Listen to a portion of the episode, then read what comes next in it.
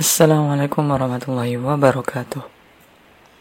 Jumpa lagi di podcast ketiga. Di bulan ini disampaikan dalam hadis riwayat Bukhari, apabila datang bulan Ramadan, maka pintu-pintu surga dibuka, pintu-pintu neraka ditutup, dan setan-setan jahat dibelenggu. Pernah denger nggak? Pasti pernah denger lah. Nah, yang mau aku highlight nih, bold, italic, dan underline adalah setan-setan yang dibelenggu. Sekarang aku mau tanya sama teman-teman. Kadang masih males baca Al-Quran nggak? Masih enakan rebahan sambil nonton drakor nggak? Waktu habis main dengan game seharian? Masih males dengerin kajian online? Males baca tulisan yang bermanfaat? Dan masih suka nunda sholat? Nah, kalau iya, jadi yang salah siapa? Yang mau disalahin siapa sekarang? Setan udah pada dibelenggu, tapi kelakuan masih aja sama seperti dulu. Mungkin kalau bisa, setan yang dibelenggu bakal bilang, Am I joke to you? Setelah melihat manusia masih nyalain mereka di bulan Ramadan ini. Jangan salah teman-teman. Setan yang dibelenggu pada hari ini adalah jin yang tak kasat mata. Tapi masih ada setan-setan yang lain yang gak dibelenggu. Siapa kira-kira?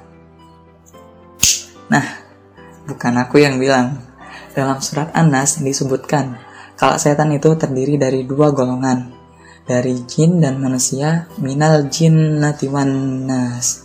Begitu ayatnya. Jadi sebenarnya kita ini juga bisa menjadi setan itu sendiri loh. Dan bahkan bisa jadi lebih mengerikan dari setan yang tak kasat mata. Secara kasar bisa dibilang, nggak perlu setan aja, kita tetap bisa ngelakuin hal yang sia-sia, hal yang nggak bermanfaat, hal yang nggak baik. Dan di bulan ini, kita harus melawan sifat-sifat setan yang ada di dalam diri kita perang melawan hawa nafsu yang ada di dalam diri kita sendiri. Karena masing-masing orang mempunyai potensi taat dan maksiat kecuali Rasulullah Shallallahu Alaihi Wasallam yang maksum. Kitalah yang dapat menentukan memfollow yang taat atau yang maksiat. Bagaimana caranya agar bisa mengatur diri ini cenderung kepada ketaatan? Masukkanlah informasi tentang ketaatan sebanyak-banyaknya ke dalam otak. Hal itu akan membentuk pemikiran, Pemikiran akan melahirkan sebuah keyakinan. Keyakinan akan diwujudkan melalui perbuatan. Perbuatan yang diulang-ulang akan menjadi kebiasaan atau habit. Mudah kan sebenarnya? Selain usaha dari diri sendiri, sisanya adalah tawakal dan meminta agar diri ini selalu diberikan Allah hidayah. Sebenarnya dalam surah Al-Fatihah yang paling tidak di bulan ini kita baca sebanyak 28 kali dalam sehari, 17 rakaat dalam sholat wajib, 11 rakaat dalam sholat tarawih dan witir, kita membaca ihdinas siratal mustaqim yang merupakan permintaan hidayah kepada Sang Pencipta. Dan ada salah satu kutipan dari Ibnul Qayyim Al-Jauzi yang keren banget.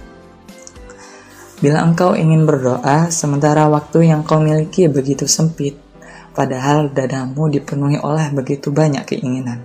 Maka jadikanlah seluruh isi doamu istighfar, agar Allah memaafkanmu. Karena bila dia memaafkanmu, maka semua keperluanmu akan dipenuhinya tanpa engkau memintanya.